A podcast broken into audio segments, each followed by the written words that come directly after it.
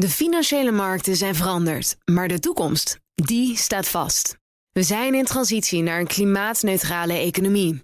Dit biedt een van de grootste investeringskansen van onze generatie. Een kans voor u om mee te groeien met de klimaatoplossingen van morgen. Meer weten? Ga naar carbonequity.com. Carbon Equity. Do good by investing better die trouwens ook wel de baas van Softbank is, jaagt de Nasdaq de stuipen op het lijf. Dat en meer bespreek ik in het beleggerspanel van BNR Zaken doen. En dat bestaat vandaag uit Mary Pietersbloem, lid van het ABN AMRO Beleggingscomité... bijzonder hoogleraar Financiële Markten aan de Erasmus School of Economics... Martijn Rozemuller, Head of Europe bij Van Eck... en mijn zakenpartner van vandaag is Mirjam Bink... een van de oprichters van ONL, Ondernemend Nederland. Welkom, dames en heren. Wij beginnen traditiegetrouw met jullie eh, laatste transactie. Mary, jij mag het zeggen. Nou, dankjewel Thomas. Um, ja, we hebben eigenlijk zeg maar de grote uh, allocatie hebben we ongemoeid uh, gelaten. We hebben wel in onze adviesportefeuille recentelijk het aandeel Coca-Cola opgenomen. Um, dat vinden wij uh, een, een, een mooi aandeel voor als hopelijk de economieën straks weer wat meer open gaan. En we hebben dat gefinancierd uit wat winstneming op de tech-aandelen. Ik dacht, uh, er komt een verhaal over uh, recyclebare flessen achteraan. ja, dat, nou, dat zou wel goed zijn. Ja, dat zou wel goed zijn. En zo'n discussie over een suikertax, die speelt ook nog deze week volgens mij. Cola Light, hè? Oh, Cola Light, dat is het. Ja, heel goed. nou ja, een interessante transactie. Of in ieder geval in de advies uh, opgenomen. Um, dan gaan wij, Martijn, naar jouw transactie. Um, ja, dat is geen hele nieuwe, geloof ik, als ik goed geïnformeerd ben. Nee, ik, uh, als ik over transacties praat, praat ik vaak over mijn, uh, mijn eigen transacties. Want onze zakelijke transacties als indexvolger zijn bijzonder saai. Ja, dat begrijp ik. Maar mijn privé-transacties zijn niet heel veel spannender. Want ik ben echt een buy-and-hold belegger. En de laatste keer dat ik bij jou te gast was, had ik net bijgekocht in een een uh, hoog dividend ETF. Met het idee van, nou ja, dividenden zijn altijd prettig als inkomstenstroom.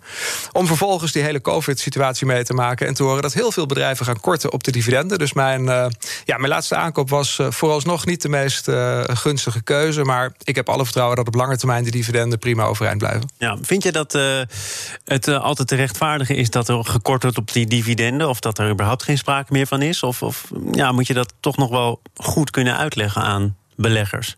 Nou, je moet sowieso alles goed kunnen uitleggen als je aandeelhouders hebt. Uh, maar ik denk in dit geval dat, dat er twee kanten aan het verhaal zitten. Ik vind het heel terecht dat toezichthouders, met name bedrijven in de financiële sector, uh, aanraden om voorzichtiger te zijn met uitkeringen, zodat ze uh, stabieler zijn. Uh, in alle andere sectoren geldt natuurlijk dat je als ondernemer, hè, of je nou beursgenoteerd bent of niet, hè, moet zorgen dat je voldoende buffers hebt. En ik heb me best een beetje verbaasd over sommige bedrijven, ook niet beursgenoteerde bedrijven, die de afgelopen maanden vrij snel in problemen kwamen. Terwijl je zou denken dat je als ondernemer, zelfs als, als, als MKB-ondernemer, altijd wel een periode zou moeten kunnen uitzingen. En dat, dat betekent dus eigenlijk meer buffers opbouwen, dus minder snel overgaan tot het uitkeren van dividend. Ja, absoluut. We gaan naar iemand uh, ja, wiens beleggingsportefeuille zeer overzichtelijk is. Ja, want er zit niks in. Er zit helemaal niks in. Nee, ik heb ervoor gekozen natuurlijk uh, als ondernemer om uh, het geld in mijn onderneming te houden. En ik vraag me af dat de afgelopen maanden dan de meest, uh, de meest effectieve belegging is geweest. Maar ja, uiteindelijk moet, je daar, moet ik daarmee mijn geld verdienen. En het zou mooi zijn als dat op een gegeven moment voldoende waard is, dat we dan wel kunnen gaan beleggen. Maar jullie spraken elkaar net nog even voordat de microfoon aanging. Met een belangrijke conclusie dat vrouwen betere beleggers zijn. Ja, Heeft jou dat nog op andere gedachten gebracht? Nou, ik ben ooit bij een bijeenkomst geweest met alleen maar vrouwen. Dat ging over beleggen. En uh, daar werd inderdaad met cijfers uh, werd laten zien dat vrouwen beter konden beleggen. Omdat zij net iets minder risico namen. En nou ja, beter zich inlezen, meer informatie verzamelen. En dan een weloverwogen keuze maken. Dus ja, het zou me eigenlijk moeten stimuleren ja. om het dan wel te gaan doen. Maar Martijn, om het nog even aan jou voor leggen. Het is natuurlijk vrij logisch dat je veel geld stopt in je eigen bedrijf. Dat dat prioriteit nummer 1 tot en met 100 is. Um, zou jij iemand als Mirjam toch adviseren om daarbuiten ook te beleggen? Uiteindelijk wel, maar in het begin niet. Dus denk ik helemaal de vraag hoeveel groeipotentie zit er in je eigen bedrijf... en wil je eventueel wel of niet al een stukje uh, dividend uitkeren. Hè? Zolang je denkt dat je vermogen beter groeit in je eigen bedrijf... Dan kan je dat natuurlijk veel beter blijven doen. Op termijn. En dat zie je vaak gebeuren op het moment dat uh, grotere bedrijven naar de beurs gaan. Dan zie je dat de aandeelhouders van het eerste uur vaak een stuk uh, cashen om dat vervolgens uh, anders te gaan beleggen, zodat ze beter gespreid zijn. Ja. Dus risicospreiding is uiteindelijk wel verstandig. Dan gaan we naar een bedrijf dat al een tijdje wat risico neemt, of heeft genomen in ieder geval. De HEMA. Er is een groep betrokken burgers, het enige Nederlandse alternatief, HENA, dat een stukje van de HEMA wil kopen. En daarvoor gaat het miljoenen euro's ophalen bij particuliere en professionele beleggers.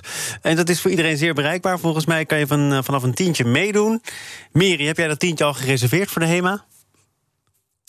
Nee, ik heb uh, dat tientje nog niet gereserveerd uh, van de HEMA. Ik, uh, ik ben wel heel erg ehm, zeg maar geïnteresseerd in het, in het initiatief. En sowieso op voorhand al ja, daar positief over gestemd. Omdat het in ieder geval de betrokkenheid van mensen bij onze bedrijven. en dan op, dit, ja, op deze manier dan zeg maar nu met dit burgerinitiatief wel vergroot.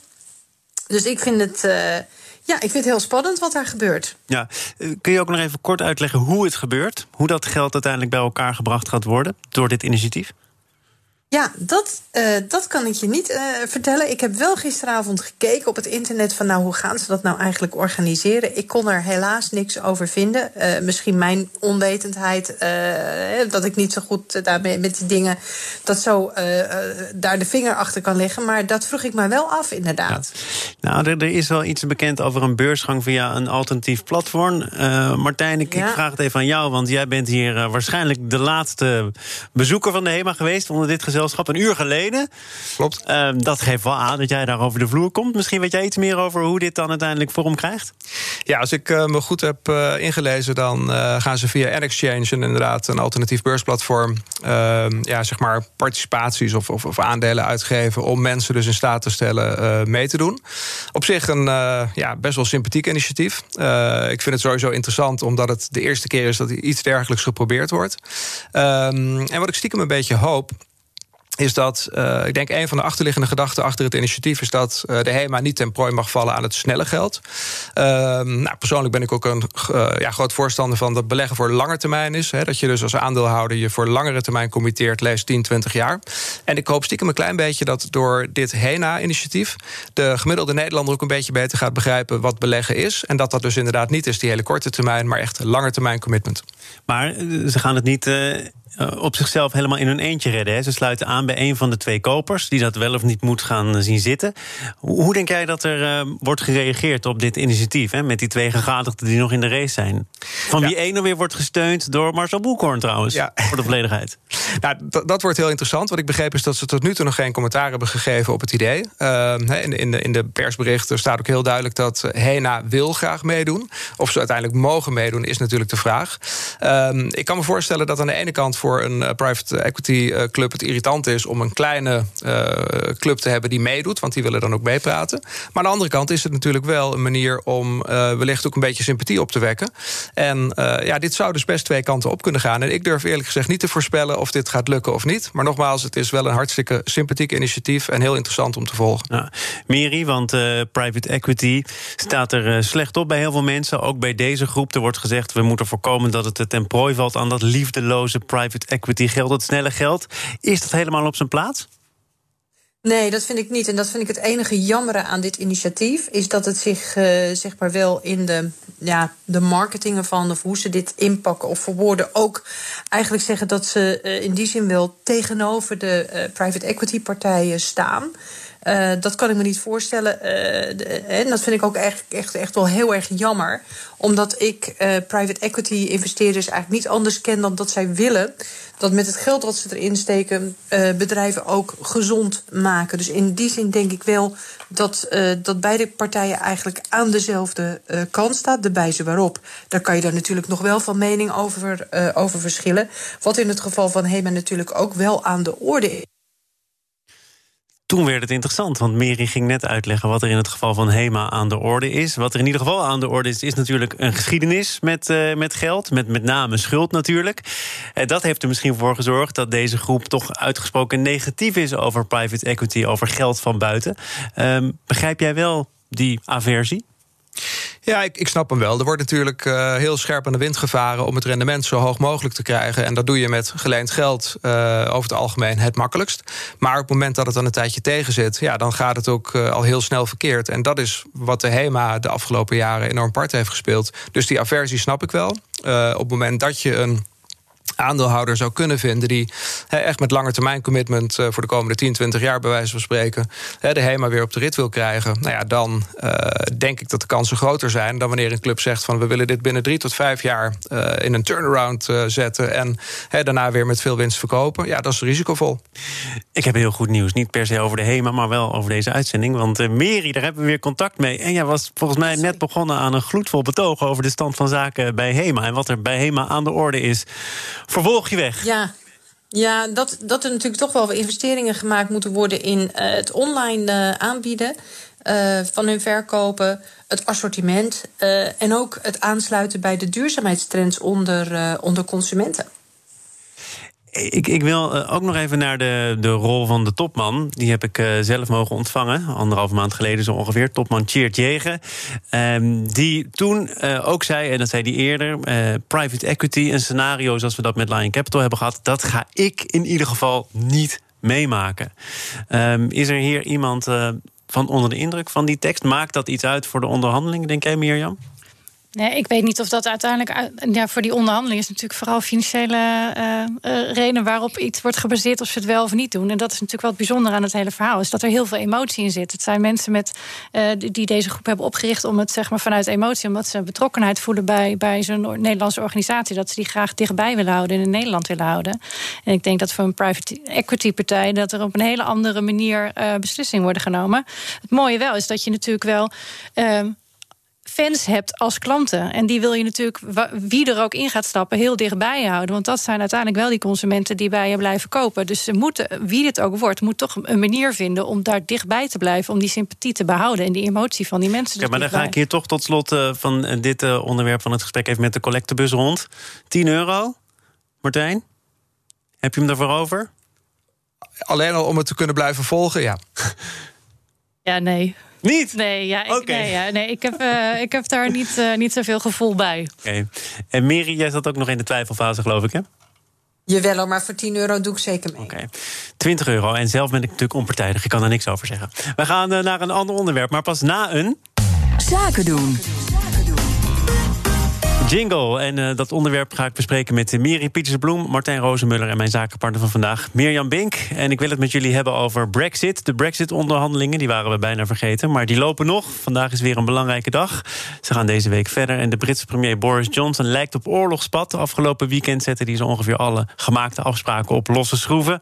En daardoor wordt een no-deal scenario steeds realistischer.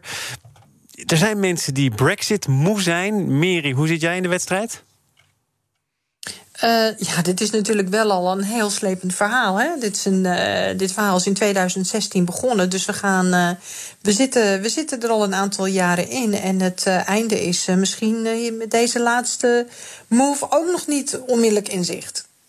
Ik las een tweet van de correspondent van het FD. En die zei vrij vertaald: is dit Boris Johnson gaat tegen Brussel zeggen dat de deal die hij zelf heeft ontworpen nergens op slaat.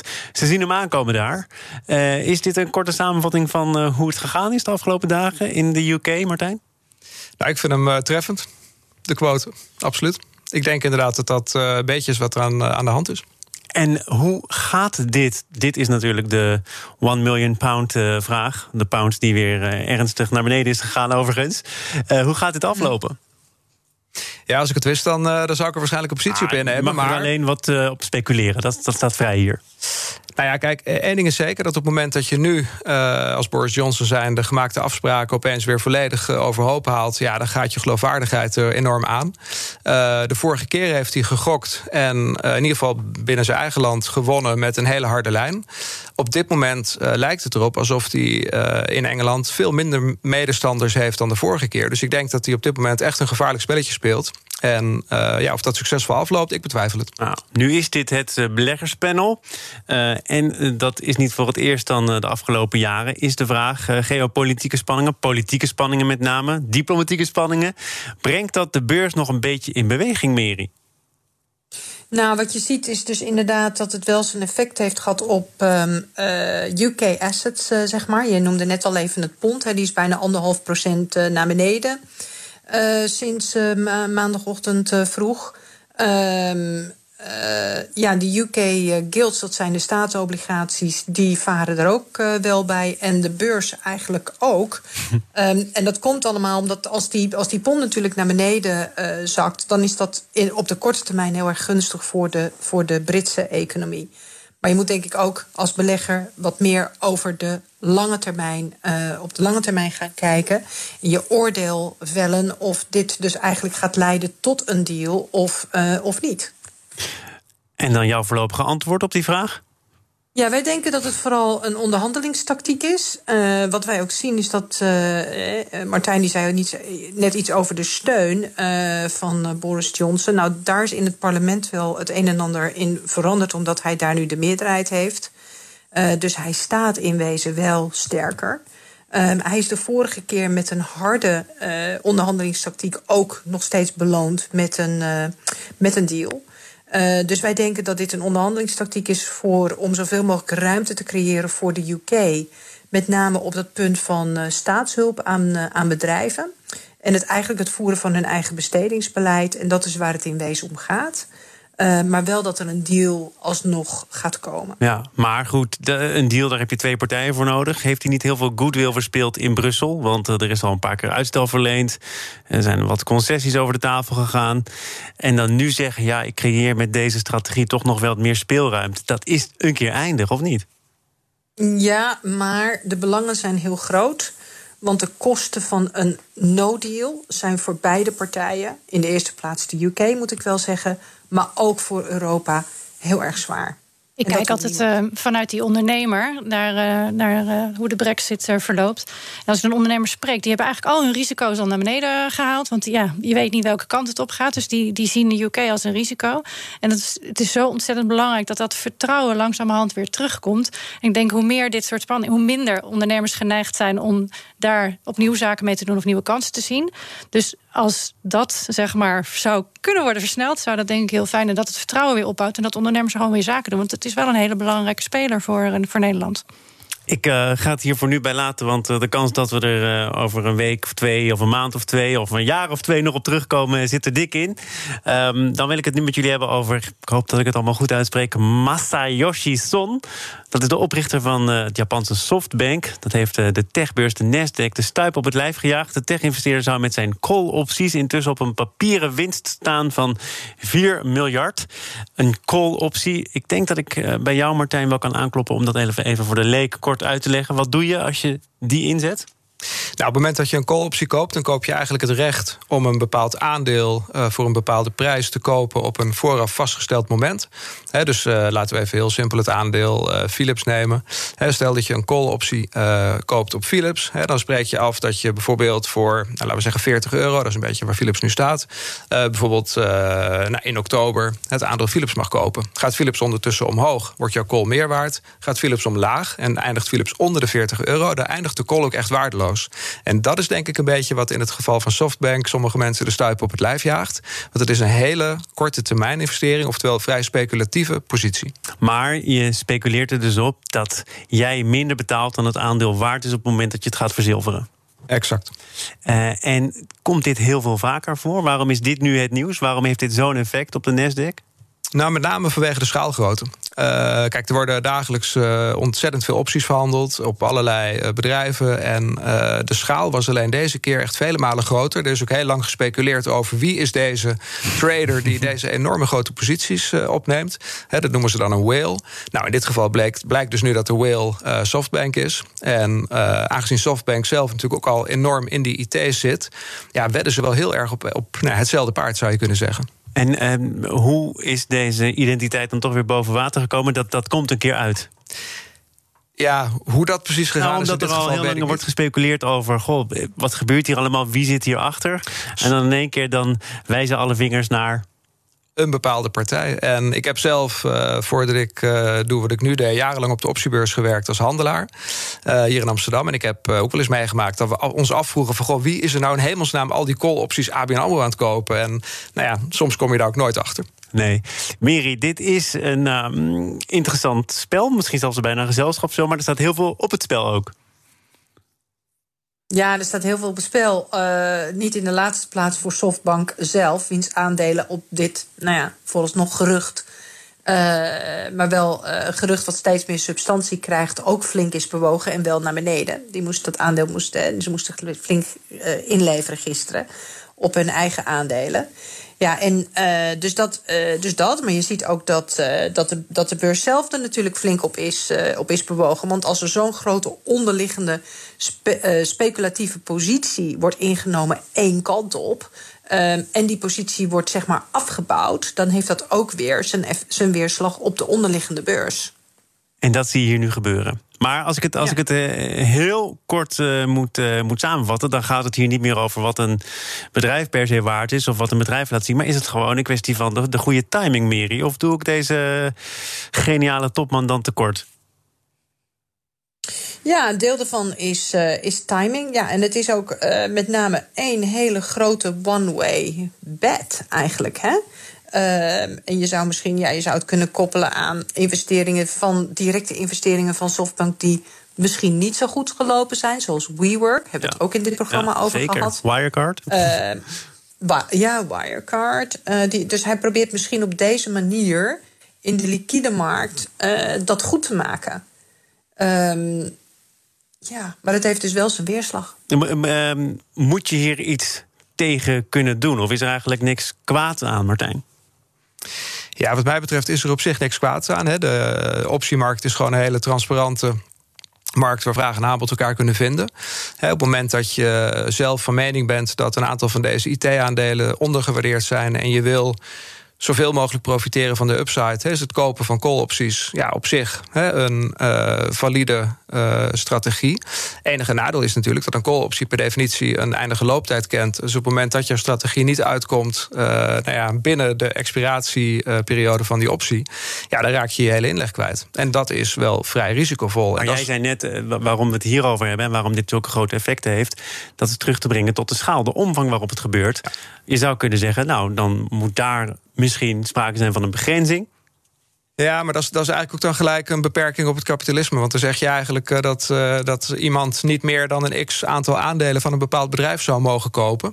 En een beperking van het kapitalisme is hier onbespreekbaar. nou ja, ach, kijk, bij mij betreft is alles bespreekbaar. Maar dat zou heel ver gaan. Wat je wel zou kunnen doen, en ik weet eigenlijk niet hoe die wetgeving in Amerika is. Maar als je rechtstreeks de aandelen zou kopen, dan moet je op een gegeven moment gaan melden. Hè, als je meer dan 3 of 5 procent hebt. Als je dat zou doen via call-optieconstructie in Amerika, weet ik niet of dat gemeld zou moeten worden. Maar dat is misschien nog wel iets wat je zou kunnen overwegen als dat al niet zo is. In hoeverre kan het dan de werkelijke markt raken? Want we hebben natuurlijk de kredietcrisis ook op basis van een te grote speculatie, uh, wat toen plaatsvond in Amerika. Het kan het met direct. dit ook? Het, het, raakt direct de eigenlijke markt. Want wat er gebeurt is die optiehandelaren die die calls verkopen aan Softbank, tenminste dat is dan het gerucht, die uh, gaan aan de achterkant hun delta-risico hedgen. Dus he, het risico dat zij de aandelen moeten leveren tegen die bepaalde prijs, willen ze gedeeltelijk indekken door alvast een aantal van die aandelen te kopen.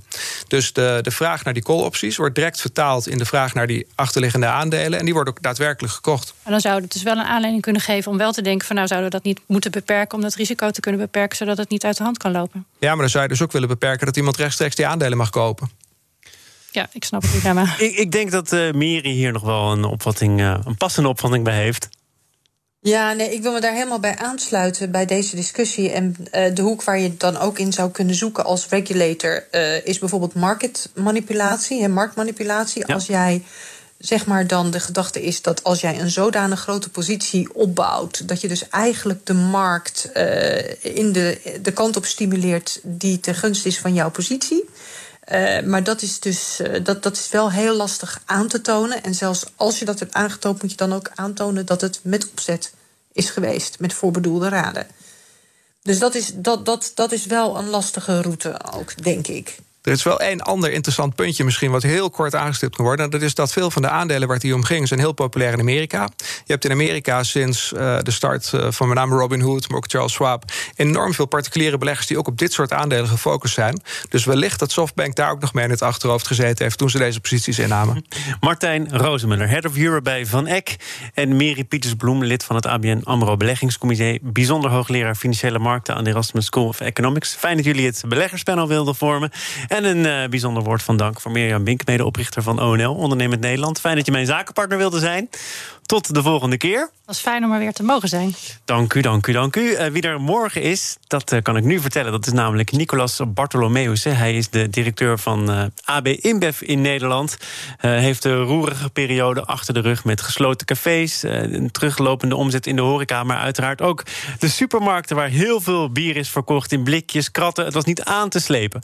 Morgen zijn verhaal in BNR Zaken doen. Zometeen eerst Nieuwsroom, onze dagelijkse podcast van het FD en BNR, gepresenteerd door Mark Beekhuis. Veel plezier, tot morgen.